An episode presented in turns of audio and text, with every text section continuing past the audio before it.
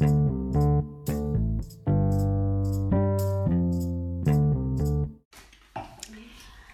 אחד, בזמן שעלמה סיימה להתקלח ועמדה כבר ללכת לישון, נשמעה דפיקה בדלת.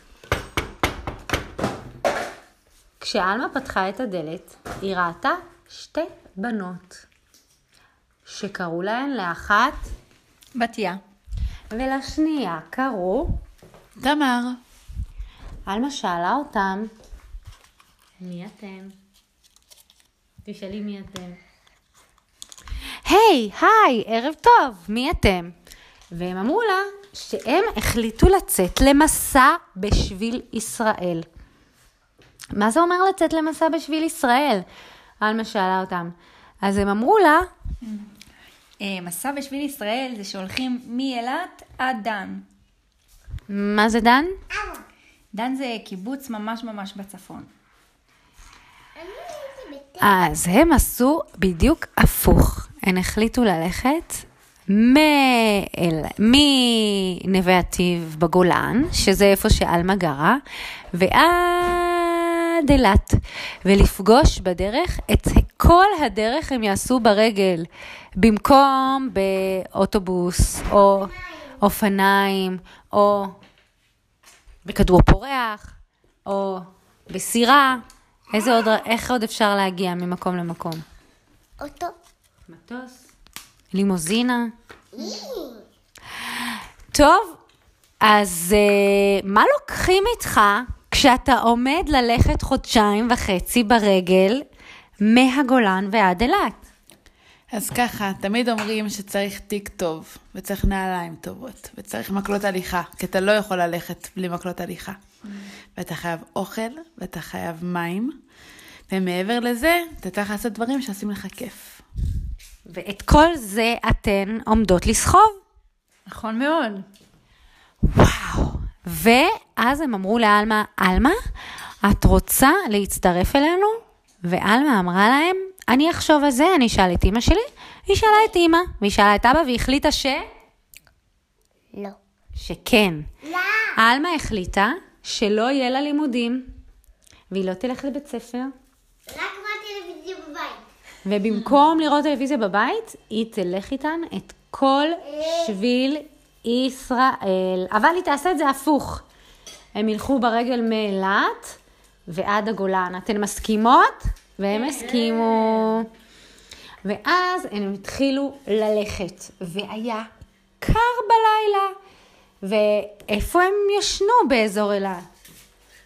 וואו, ישנו אה, בכל מיני אה, חניוני לילה קוראים לזה, שזה בעצם מקום שאתה עוצר את המסלול, ופשוט פותח אוהל או שק שינה, וישן מתחת לכוכבים. הכוכבים יפים. הכוכבים הכי יפים, ולפעמים, ככל שאתה הולך יותר, אתה רואה איך הירח משתנה. כי לפעמים הוא ממש ממש ממש דק, ולפעמים הוא ממש ממש גדול. ואתה כל לילה ישן מתחתיו. מה? אז אה, עלמה גם ישנה איתם בשק שינה, והאם הגיעו חיות לפעמים? וואו, לפעמים הגיעו חיות. איזה חיות למשל? אה, יש חיות חמודות, כמו שועלים, שנגד רואים אותם, אה, או ציפורים ששומעים בבוקר, אה, או סוסים שעוברים לידך. רגע, ונראה לי שעלמה רוצה לספר על חיה מפחידה. חזיר בר. מה זה? חזיר בר. איפה פגשתם את החזיר בר? באמצע הדרך, בשביל צר, פתאום מה קרה?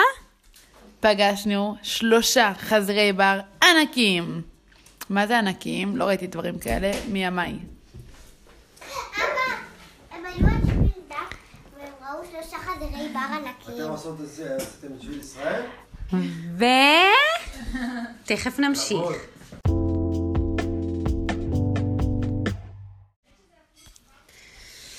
וחוץ מזה, היו גם ימים ממש ממש קסומים על השביל, כמו למשל שראו נופים מרהיבים. והכי כיף זה שפוגשים כל ערב מישהו חדש. בכל יישוב ויישוב שאליו הם הגיעו, אנשים הזמינו אותם לבוא אליהם לאכול ארוחת. את יודעת איך קוראים למשפחות האלה שמארחים אנשים שהולכים בשביל ישראל? מלאכי השביל, כי הם כמו מלאכים.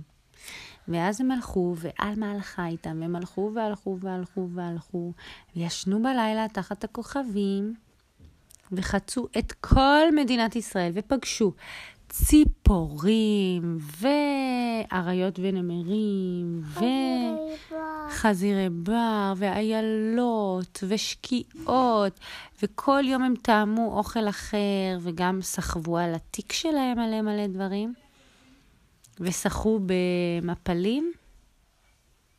ובסוף, בסוף הגיעו לנווה עתיב וסיימו את כל הטיול שלהם.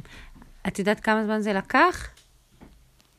חודשיים וחצי. כל הכבוד, מחיאות כפיים סוערות.